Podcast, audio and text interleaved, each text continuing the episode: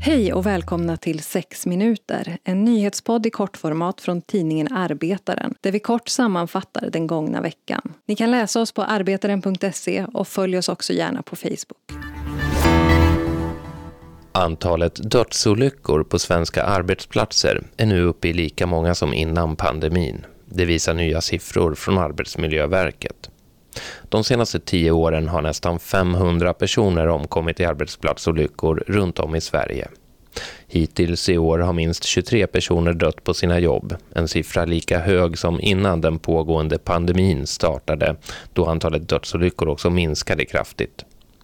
Nio av tio som dör på sina jobb är män och de vanligaste åldrarna är 55 till 64 år, skriver Arbetsmiljöverket i sin rapport.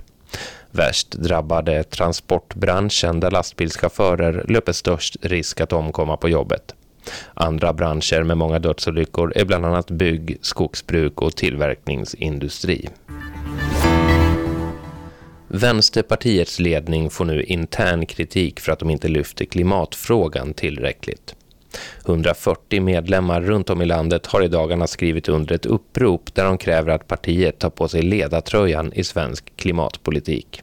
De som skrivit under kräver bland annat att partiet ska ligga på mer för att få regeringen att skärpa Sveriges klimatmål och att partiledningen ökar sin position i frågan medialt.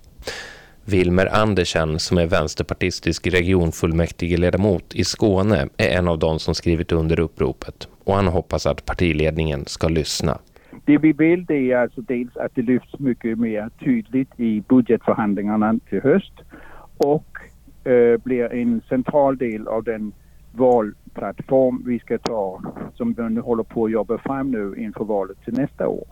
Det sa alltså Wilmer Andersen från Vänsterpartiet i Malmö. Andra som skrivit under uppropet har sagt att de tycker att partiledningen är för ängslig för att föra fram den radikala politik som de menar krävs för att ställa om Sverige till ett klimatneutralt land.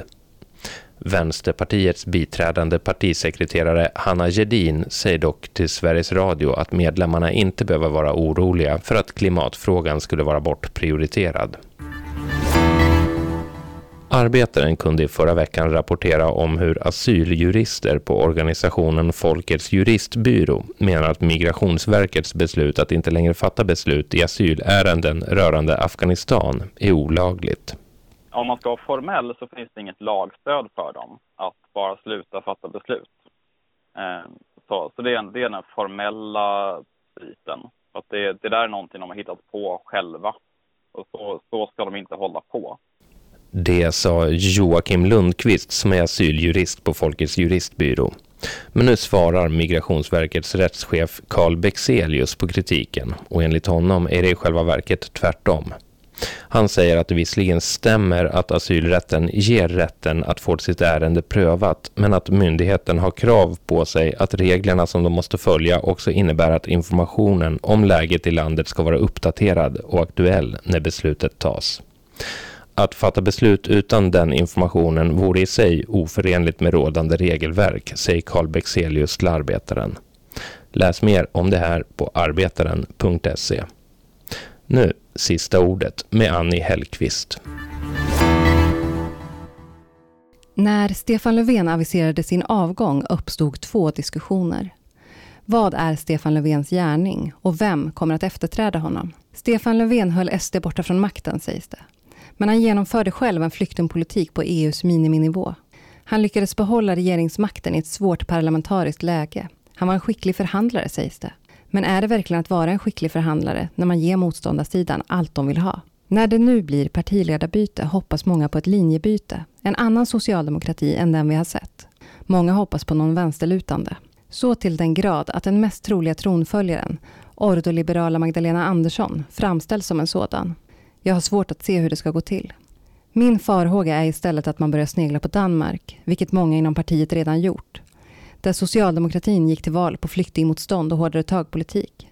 Det är bäddat för det. Löfven lämnar en socialdemokrati som förvisso inte var särskilt vänster när han tillträdde, men som under de senaste åren fritt fått driva med i högvågen, medan han suttit lugnt i båten för att säkra regeringsmakten. För Löfven fanns ingen princip som inte kunde kompromissas bort. Det blev inte minst tydligt när det kom till arbetsrätten och marknadshyrorna. Människors trygghet på jobbet och i boendet kunde man lätt slänga upp på förhandlingsbordet för att säkra sitt regeringssamarbete. Inget var heligt förutom regeringsmakten. Det är detta som sedan en lång tid tillbaka är socialdemokratins själ. Tro inget annat.